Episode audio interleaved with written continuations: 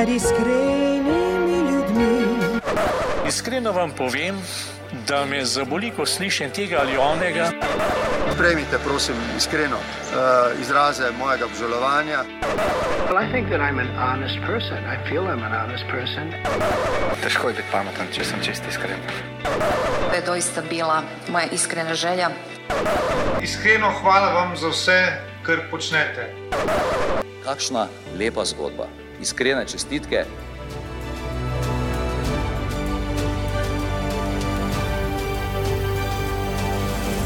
Drage poslušalke in spoštovani poslušalci, prisrčno dobrodošli v novi oddaji najbolj iskrenega podcasta, podcasta, kjer ne ustvarjamo mnen, ampak skušamo spremeniti kakšno srce. Moje ime je Dušan Poslek in v današnji oddaji se želimo tudi mi na nek način pridružiti tednu Karitas, ki se je sicer uradno že končal včeraj, ampak karitativnega dela s tem eh, še zdaleč ni konec. Zato v moji družbi pozdravljam Petra Tomažiča, generalnega tajnika Slovenske Karitas, s katerim se bova danes skušala dotakniti karitativne dejavnosti. Tudi v luči teh aktualnih um, zdravstvenih in družbenih uh, razmer. Uh, Peter, uh, pozdravljen in dobrodošel v našem podkastu.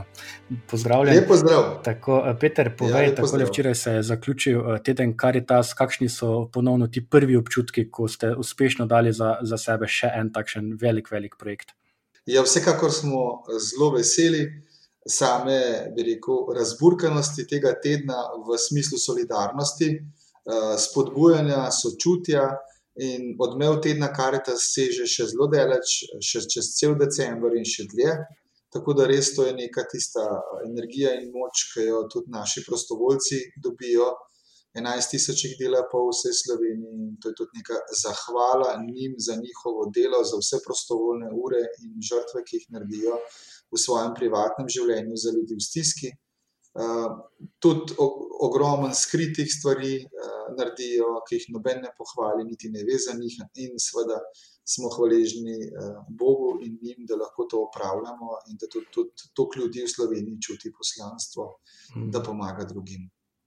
Tako in ta hvaležnost, ki si jo ravno kar izrekel, tudi ta podcast je namenjen ravno temu, da se na nek način zahvalimo in prepoznamo tudi vse tiste, ki delujejo v ozadju eh, slovenske karitas eh, in karitativne dejavnosti. Ampak eh, vseeno, ne, letošnji teden karitas se je razlikoval od preteklih. Ja, Več kot 20 let tako več kot 20 let že zaposlen na slovenski Karitas, torej nešteto posameznikov je šlo čez Karitas. Kako zelo so se pa letos razmere poznale pri sami organizaciji oziroma izvedbi?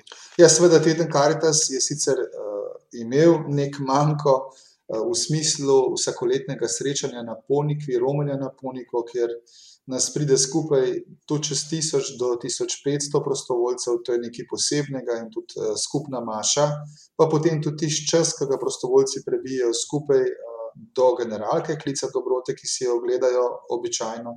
To je za mnoge župnijske karte tudi nek, nek tak dan, ne, ki ga posvetijo uh, sebi, za razliko od celega uh, drugega leta, tako da ta dogodek bo zagotovo nam vsem nekako manjkal. Je pa seveda nekako nadomestila to uh, maša, ki je bila prenašana iz eh, Maribora od našega predsednika, gospoda Rojzija Cvikla, ki je seveda pri maši dal poudarek tednu Karitas in vsemu, kar delamo. Mnogo mhm. dogodkov se zvrsti tudi po župnijskih karitas, majhni klici dobrote, dnevi odprtih vrat in podobno. Letos pa je seveda zadeva bolj delovna, Zdaj smo dobili tretjo pošiljko hrane v višini 850 ton in naša prva naloga pred uh, novim letom ali pa do konca leta je to, da to hrano razdelimo oziroma smo pač vsem na voljo, da jo dobijo. Zaradi epidemije so se seveda razmere spremenile tudi pri naši pomoči, vendar lahko rečemo, da so se ljudje od marca, tisti, ki prihajajo k nam po pomoč, že zelo navadili. Uh, prihajajo posamično, običajno delimo na vratih. Skratka, obstaja pač nek red, je potreben drugačen kot prej, vendar kljub temu vsak lahko pride do pomoči, če je seveda tega potreben. In ko se ustavi javni promet, seveda mi poskušamo veliko stvari izvoziti tudi sami in uh, pač nekako prideti ljudem naproti, ker velikih prihaja tudi z avtobusom, z vrečami. po to pomoč in hrano. Zdaj lepo let smo imeli svetovanja, spet odprta, tako fizično, zdaj smo spet mogli preiti na telefone, vsak nas lahko pokliče in pa tudi mi pokličemo ljudi, predvsem starejše in tiste, za katere vemo, da živijo sami ali so bolani ali kakorkoli imajo težave v duševnem zdravju in podobno, jih vprašamo, kako so, če kaj potrebujejo.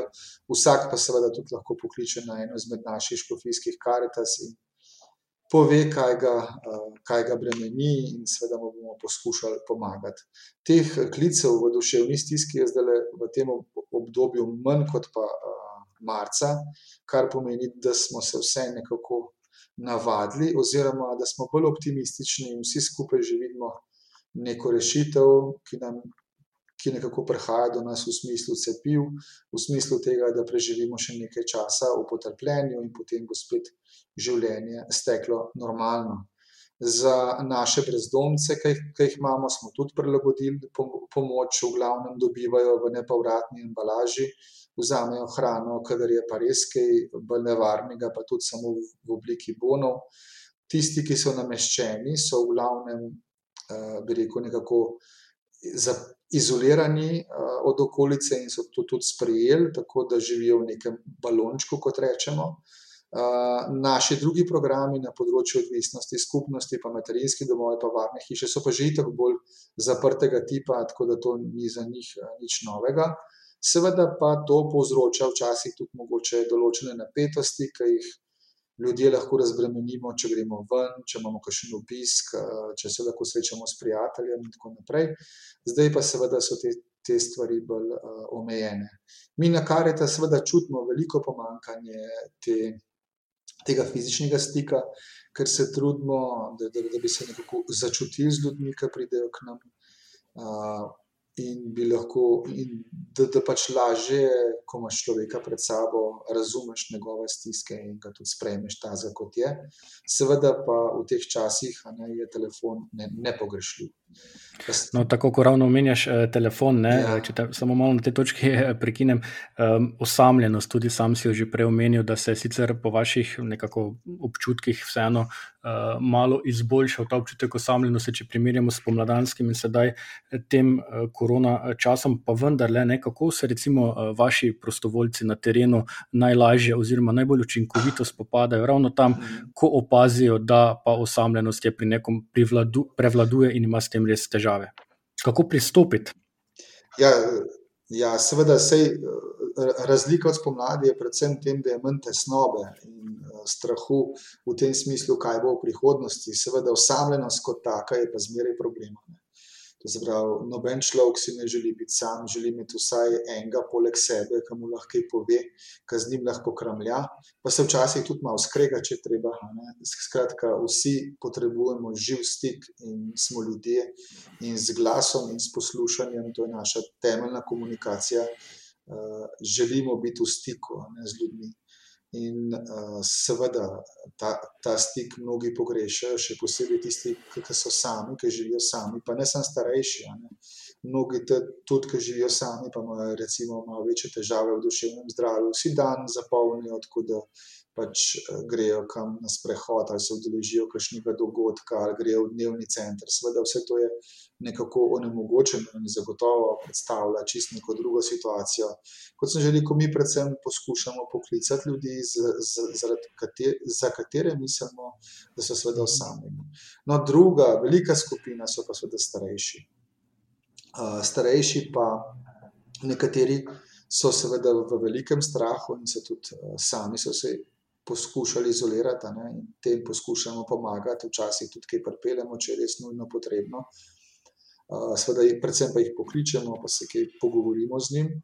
Drugi so spet zelo pogumni, in, jih je treba opozoriti in, in jih nekako spodbujati, da se obnašajo, varno.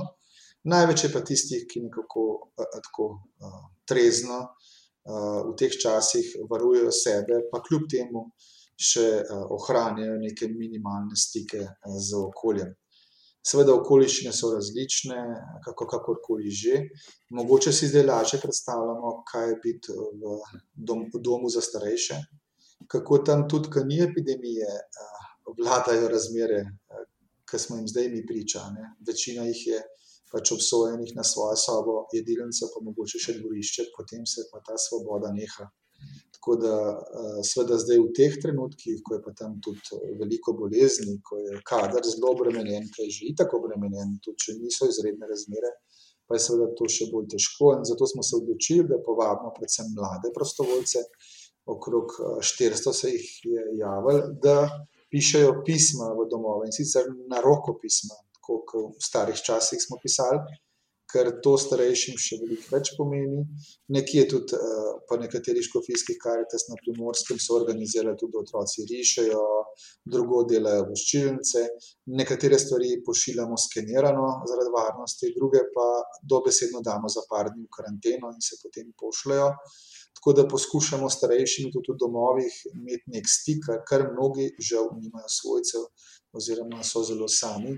In zaposleni na, na domovih oziroma vodje domov so se tudi lepo odzvali na to našo gesto in nekateri starejši nam tudi pišejo nazaj, a ne, kar je tisti pozitiven znak.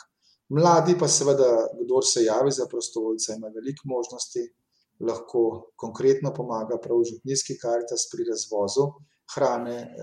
Prejšnji teden sem govoril z eno župnijsko Karitas, so mi rekli, koliko so zadovoljni, ker imajo od marca naprej enega študenta, ki jim zelo pomaga, vse jim razvozi tole evropsko hrano. Za, za pet njih odtehta, a ne, kar je pač potrebno tudi veliko moči, da se tri tisoč petsto ton na let premakne, in seveda mladi so tukaj zelo dobrodošli.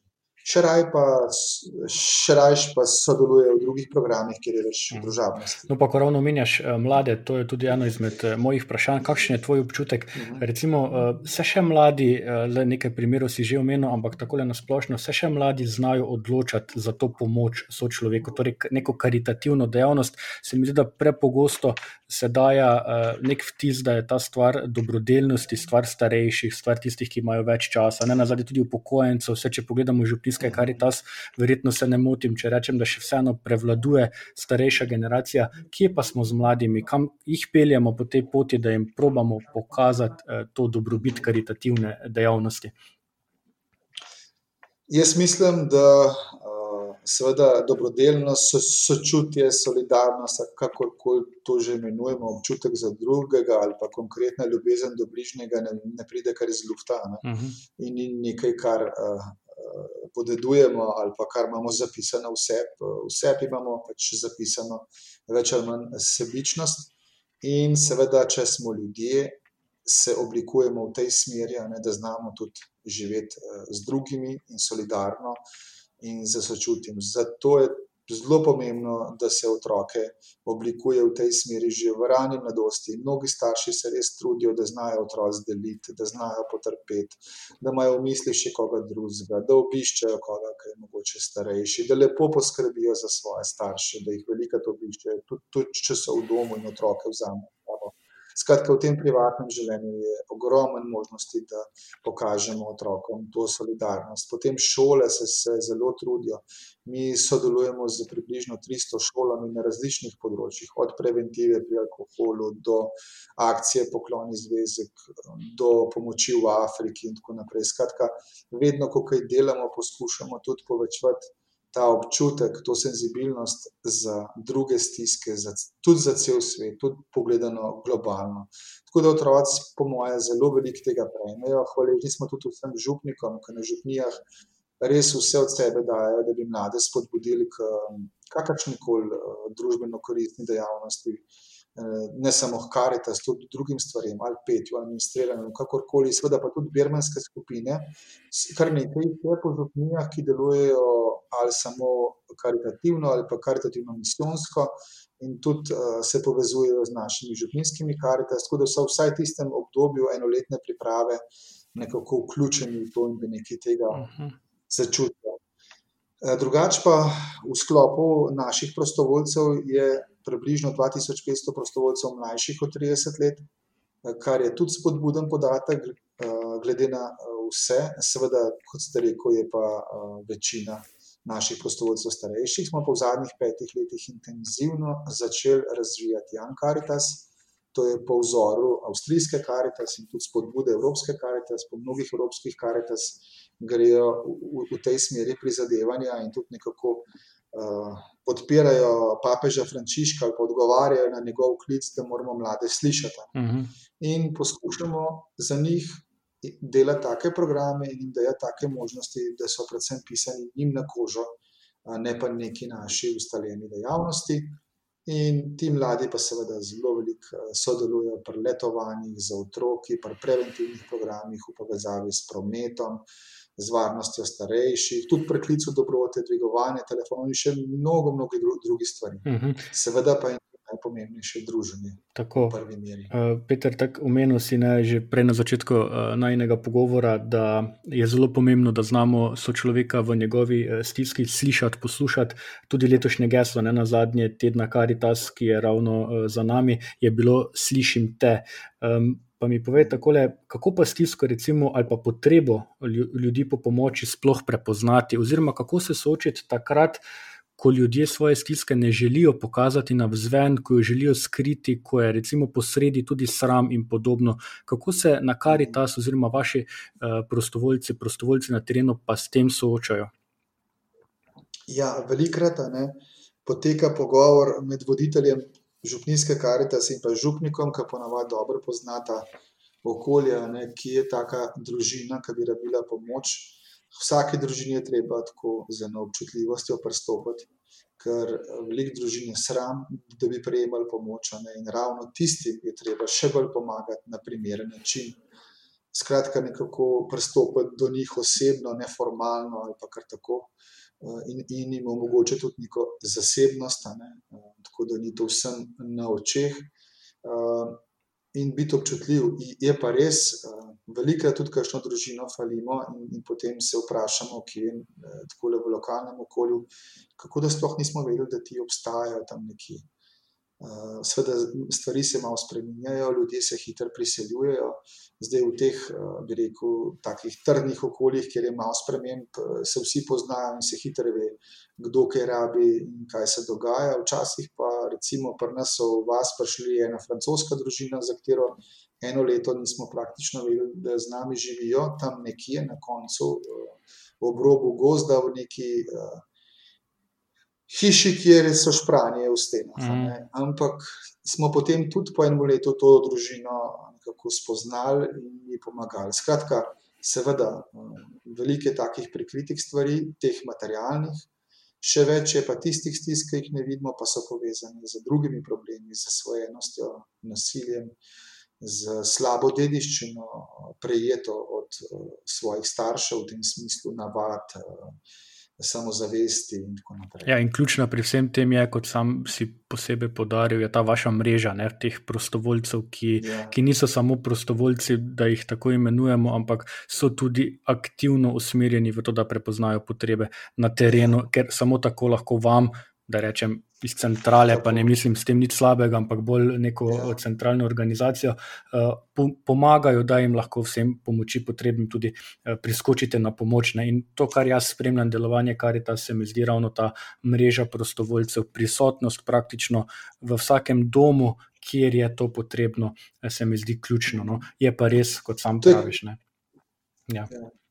To je ključni moment, ne, ker vse, vse naše pač, prizadevanja grejo, da je župnijska karta del župnije, del rekel, naše vernosti.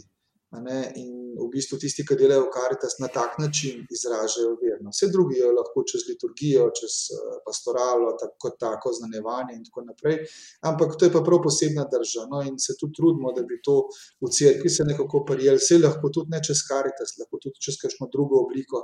Ampak da je to del, tisti temeljni temelj vsakega kristjana in da nekako vsak čuti to, to poslanstvo. Sveda pa se mi trudimo res, da bi se stvari dogajale na lokalnem nivoju v čim večji meri in tudi vsa sredstva, ki jih dobimo, jih takoj poskušamo spraviti do, po kapilarah do konca, do ljudi, ki to rabijo.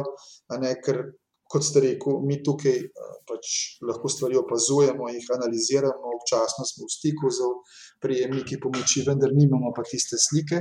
So pa pri nas še eno prednost, imamo to, da imamo škofijske karte, da pri nas obstaja ta famozni um, regionalni nivo, ki žal na ravni države ni uspel, pa bi tudi marsikaj rešil. Uh, Ker je pa dobra podpora tem našim župnijskim karitas, kadar je tam prezahtevno, uh, za svetovanje ali za kakšne druge oblike pomoči, za, za razvoj zahtevnejših programov, pa seveda so tukaj škofijske karte, ki so nepogrešljive in so zelo inovativne in tudi dajo podporo župnijskim karitas ali v izobraževanjih ali v stroki, seveda mi pa generalno podporo tukaj na slovenski karitas v celi mreži. In samo skupaj kot celota delujemo kot karitas, drug brez drugega ne moremo, vsak opravlja svoje poslanstvo na svojem nivoju in vsi se tega poskušamo tudi zavedati in se truditi v tej smeri, da bi bilo čim bolj koristno za, za te ljudi, ki jim pomagamo. Uh-huh. In ko govorimo o, o pomoči sočloveku oziroma ostalim, eh, tako le 20 let, kot smo rekla, si že na slovenski karitas, eh, letos marca si postal tudi generalni tajnik. Um, veliko je dobrodelnih akcij, veliko je načinov, kako smo Slovenci lahko dobrodelni. Eh, tudi ti si do prevzema tega položaja skrbel za zbiranje finančnih sredstev za te dobrodelne akcije.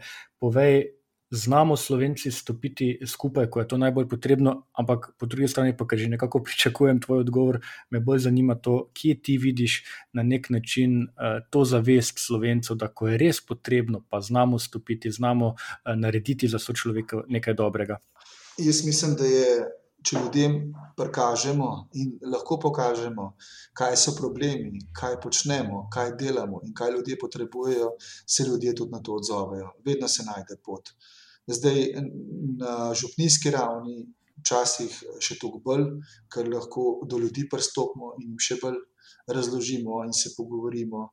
Skratka, mi pa tudi poskušamo biti realni pri svojih akcijah, ne pretiravati ker eh, pretiravanje mm, dolgoročno ni dobro. Uh, pač da povemo realno, kaj ljudje potrebujejo in v kakšnih stiskah so. In na drugi strani, se, seveda, da vsi skupaj spodbujamo tudi ta čut. In jaz, dokler bodo obči, župnijska občestva ali pa tudi drugačna občestva, skupnosti, ne, ki se znajo nekako povezati in, in to razvijati, ne, še posebej v cerkvi, se mi zdi, da ni strahu za to solidarnost.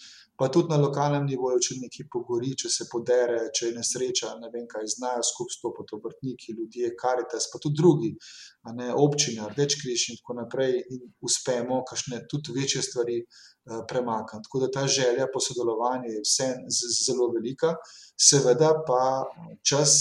Je neusmiljen, ne, nas vse usmerja bolj kot ne v individualizem, uh, ampak proti temu toku se je treba pač boriti in odpirati stvari v druge smeri. Tudi vsak, tudi jaz se pri svojih otrocih eh, srečujem z drugimi pogledi, pa jih poskušam večkrat korigirati. V resnici je pa najbolj pomembno to, kar uh, otroci vidijo kot zgled. Um, tisto, tisto najbolj nagovori, meni oče ni nikoli več od dobrodelnosti govoril ali kaj podobnega, ampak včasih me je vzel v kakšno nedeljo k svoji teti, ki je do polne dve ure pospravljal po kuhinji, ki je bila že starejša, ona mogla in je vse ležala po kuhinji. In tako jaz sem kar, so mi šli kar lasje po koncu, ampak on je mirno dve ure tisto uh, pospravljal in potem vmes se je pogovarjal in, in potem sva šla. To je največ, kar lahko mhm. svojih staršev, da vidiš, kako uživo uh, pač spremljajo in bdijo in pomagajo nekomu. Uh, Peter, tako kot govoriš o vzgledu, ne, uh, v enem izmed intervjujev si tudi dejal, da slovenska karitas ne želi biti le uh, gasilec, ne, torej samo gasiti takrat, ko je že nek požar nastane, ampak želi tudi aktivno pomagati ljudem, da naredijo korak naprej. Sam si prej že malo omenil, ošvrknil tudi državo. Pa mi tako povej, kakšen zgled, o katerem si malo prej govoril, pa nam recimo daje država kot takšna pri pomoči tem, eh, ki so naše pomoči bolj potrebni. Mhm. Ja, mi smo bili zelo veseli te opcije, ki se je pojavila, da se pač denarna socialna pomoč lahko nadgradi z aktivacijo prostovoljstva. To se je zelo dobro obneslo pri nas. Res pa je, da je prišlo nekje pač do zlorab, tako da ne vem, ali smo Slovenci tako iznajdljivi v narekovajih, da se zmeraj pojavijo tudi zlorabe. ampak mi smo to videli kot en tak pozitiven uh, pristop, da v bistvu ljudi spodbujamo, da se premaknejo, da naredijo nekaj, da pridejo mogoče enkrat na teden najprej ali pa za par ur, pa, pa, pa potem vsak dan več, pa kaj pomagajo, se povežejo med sabo, si tudi med sabo pomagajo. Skratka, vidijo, da ni vse tako hudo, da imajo drugi še hujše stiske in tako naprej. Skratka, stvari se začenjajo spreminjati, kadar ljudi nekako spravimo k aktivnostim. Žal se vsi ne bodo mogli zaposliti, ker nikoli ne bodo mogli izpolniti zahtev za 8-urni delovnik, vendar pa vsak lahko dela in nekaj prispeva v svojem lo lokalnem okolju, in tako naprej. Drugi ukrep je izjemno dober, so javna dela, recimo, kjer tudi apeliramo na državo že vse čas, da je povečati te zadeve, podaljšati, povečati, ker potrebe so velike.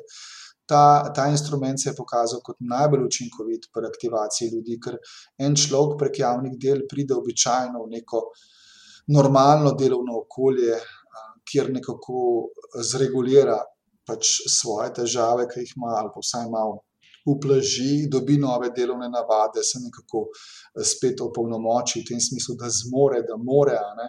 In, in tu so res take dobre stvari, manjka pa v naši državi sekundarnega trga dela, kjer bi lahko delali vsi, ki želijo, tudi v manjšem obsegu, samo kakšno uro ali karkoli, karkoli. Ne, ker tudi eh, zdaj, če nekomu daš status invalidu in ga potem zapečatiš, da je celo življenje obsojen na 300 evrov ali pa zgubi ta status, ne, potem verjetno nisi nič naredil. Mm. Skratka, treba je ljudem pustiti, da, da delajo, seveda pa paziti na drugi strani, da niso izkoriščeni pač, čez te mehanizme. Ti mehanizmi teh, kratko, pač teh nekih oblik zaposlitve izvenredne so pri nas zelo bi rekel, birokratski, zapleteni in delodajalci se jih raje ne poslužujejo.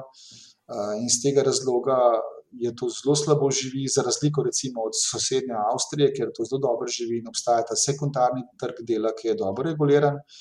In, in lahko ljudje delajo, niso tudi obdavčeni, pač spodbuda k temu, da, da se dela. Mi smo tudi um, programe naše začeli v tej smeri oblikovati po gospodarski krizi, ker smo se malo oddahnili od te nujne pomoči in začeli ljudi vključevati v take programe, kjer se dela, kjer se nekako malo uh, tudi usposablja, kjer se povezuje uh, dejavnosti v smeri tega, da se ljudje postavijo na svoje noge, da zaživijo in, in pa se bomo trudili tudi v tej smeri naprej.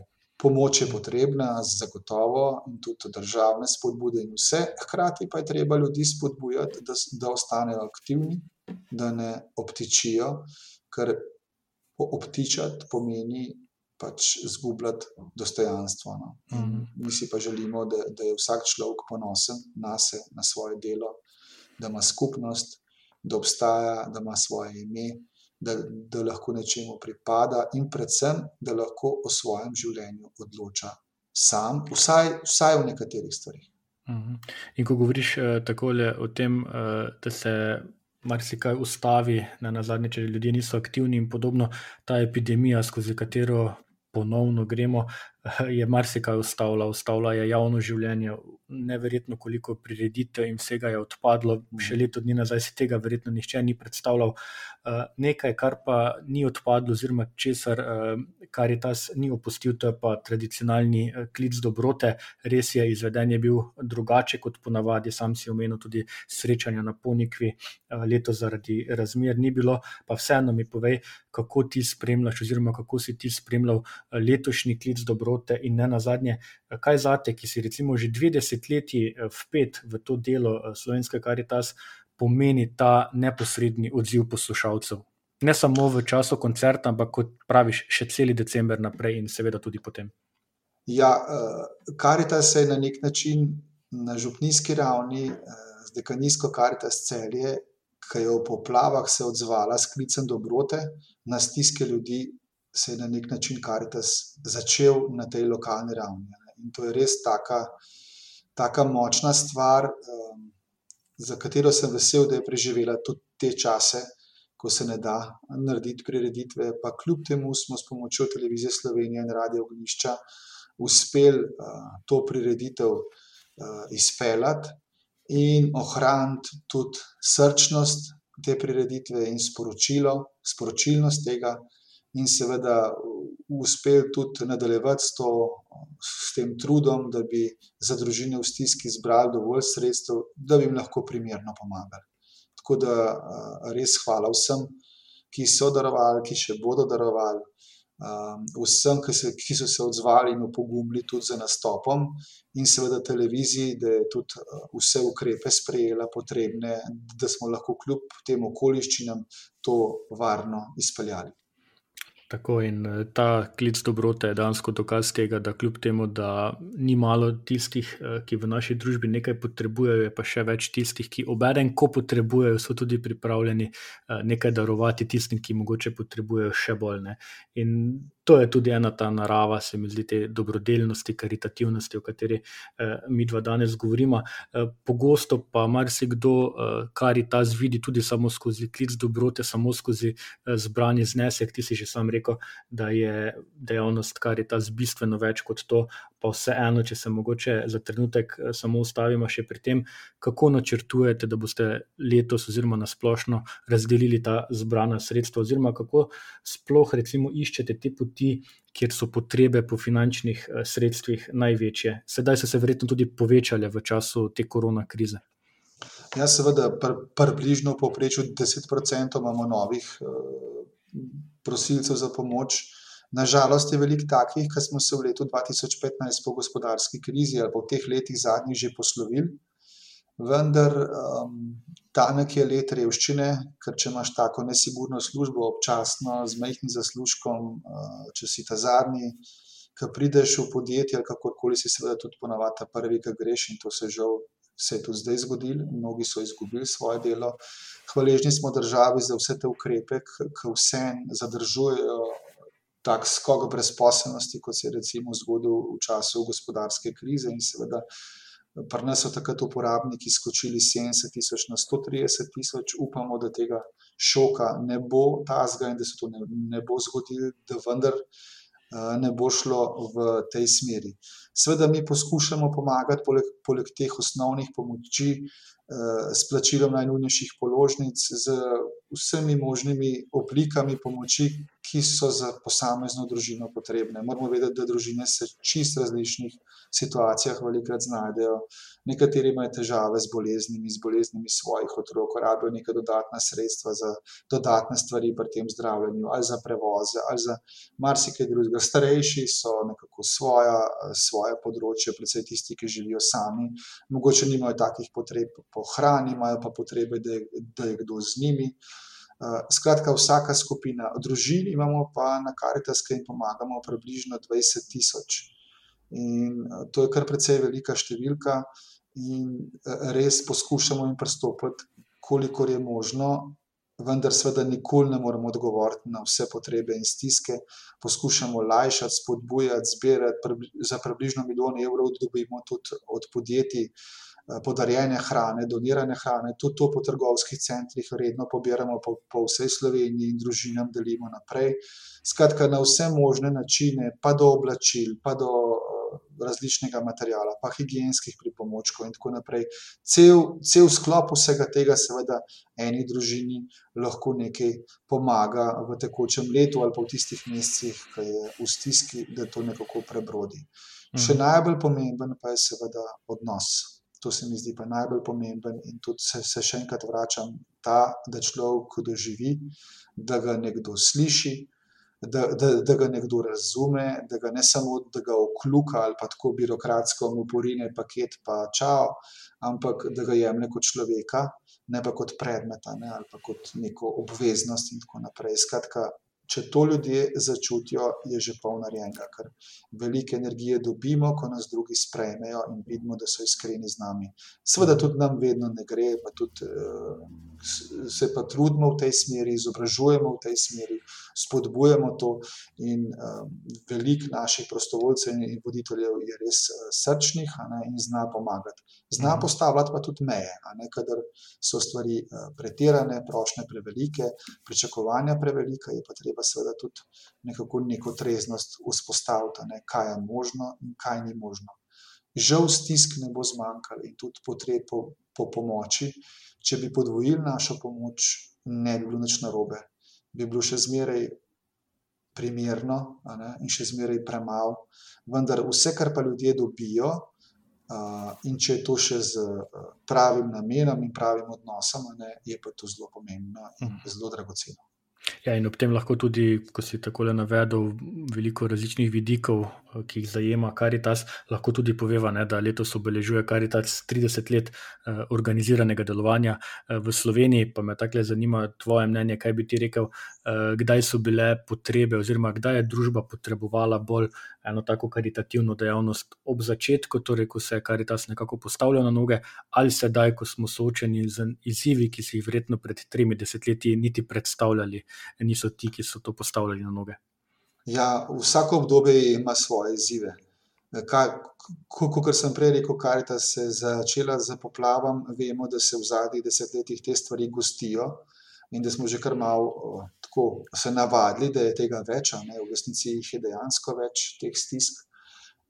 Potem je sledila gospodarska kriza, ta prva v 90-ih letih, ki ni bila nič dosti drugačna od te v letu 2009 in 2010 in naprej. Skratka, potresi, neurja, potem so bili begunci, tudi v 90-ih letih, v letu 2015 so spet prišli begunci. Skratka, nekako se stvari vrtijo ciklično, imajo pa nek drug obraz. Ne. V vsakem obdobju je karitas in karitativnost, nasploh pa dobrodelnost potrebna. Ker vedno bodo med nami ljudje, ki so v stiski, bojim pa se, da v prihodnosti bodo te stvari mogoče še bolj pereče in okoliščine, v katerih bo treba pomagati. Na Karitasu vedno ostanejo absolutne številke, ljudje z obrazom, to se pravi osebe konkretne.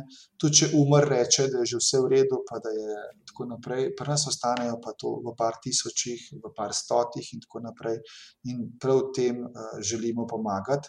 Časi so pa drugačni. Če smo se pogovarjali pred dvajsetimi leti o odvisnosti od trdih drog, se danes pogovarjamo o odvisnosti od pornografije, o odvisnosti od tehnologije, od ekranov, o miksu odvisnosti od trdih drog, alkohola in drugih substanc, o čisto nekih novih dimenzijah, o ljudeh, ki so končali vse programe, pa ne morejo sami živeti.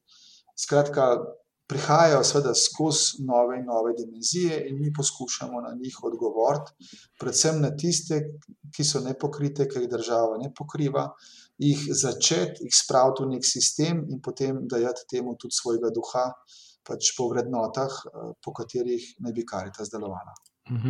Peter, sam si že zdaj omenil nekaj, bom rekel, odvisnosti, zasvojenosti, deloval si tudi v zavodu Pelikan.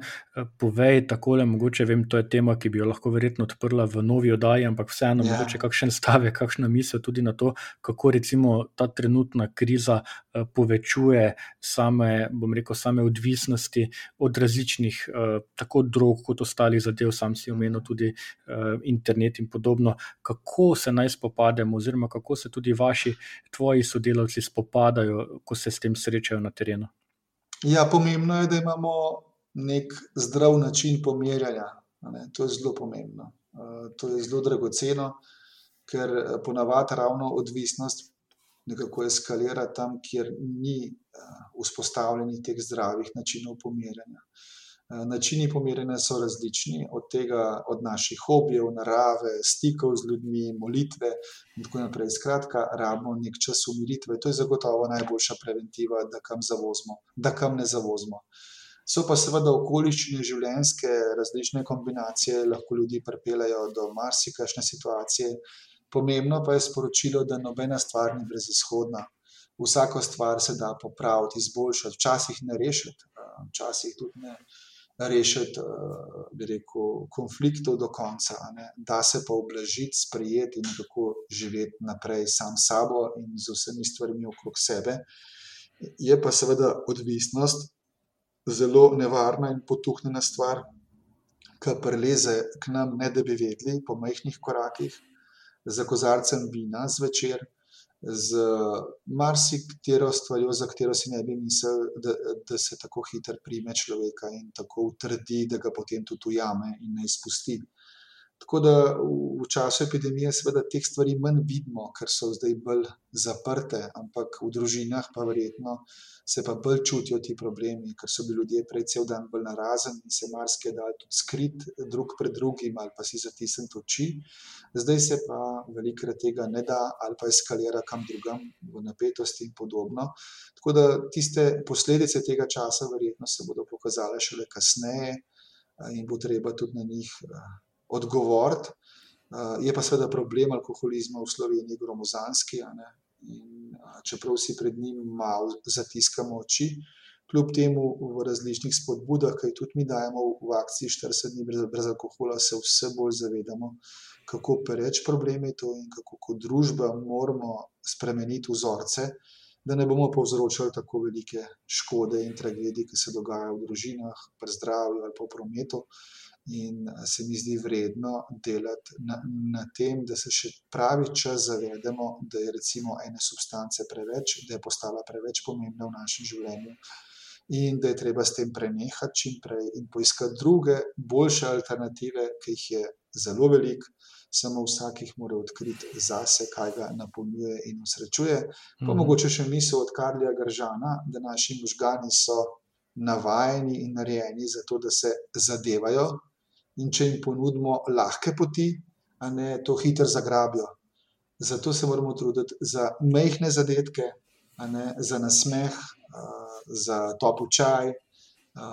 Ne vem, da, da se znamo sami pocrkljati v tem smislu, da znamo se poveseliti samega sebe, si odpustiti samemu sebi, se nasmejati, biti malo tudi, bi rekel, humoren pri kakšni težki stvari, ki se nam zgodi. Skratka, v teh majhnih vsakdanjih stvareh je sreča in naši možgani bodo čisto zadovoljni s, s temi majhnimi zadetki. Tako Karli Gržan približno izvaja svojo, svojo misel in se mi zdi dobra. Vse te poti, ki so bližnjice, a ne seveda ponavadi vodijo v zlorabo.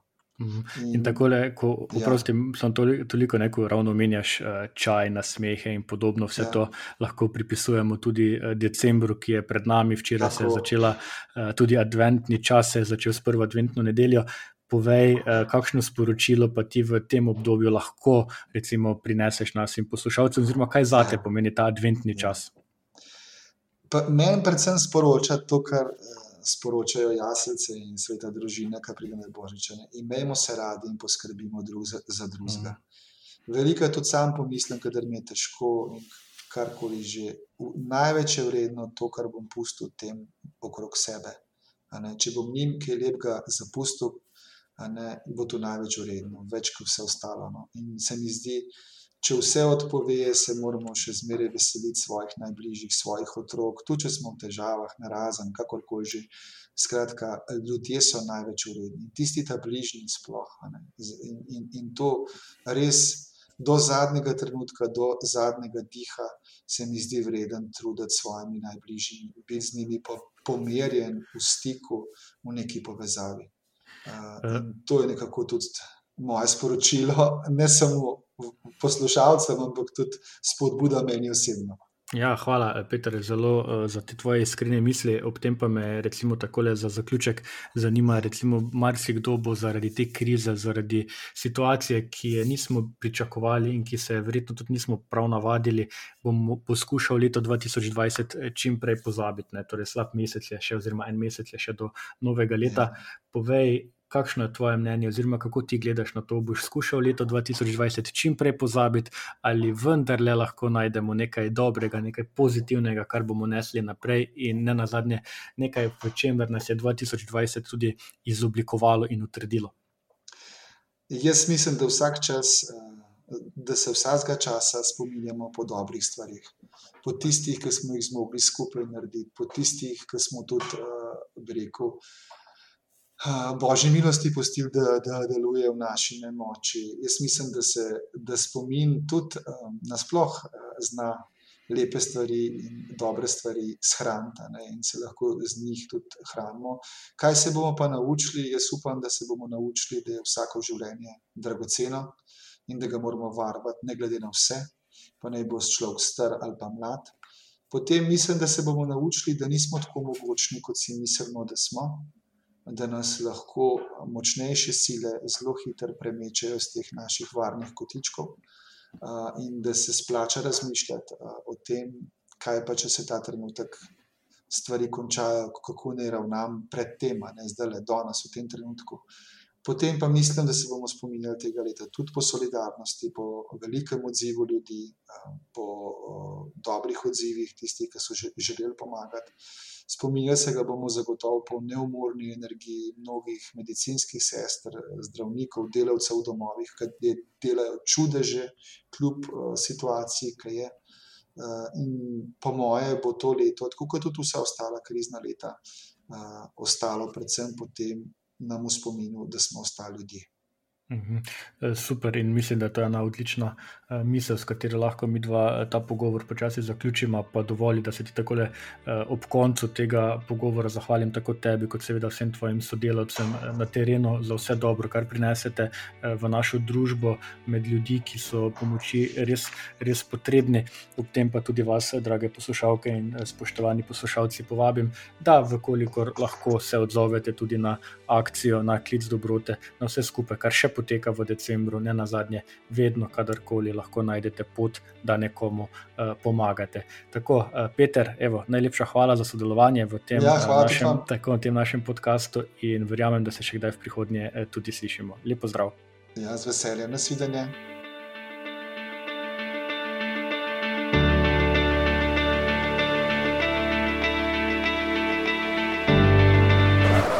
Med iskrenimi ljudmi.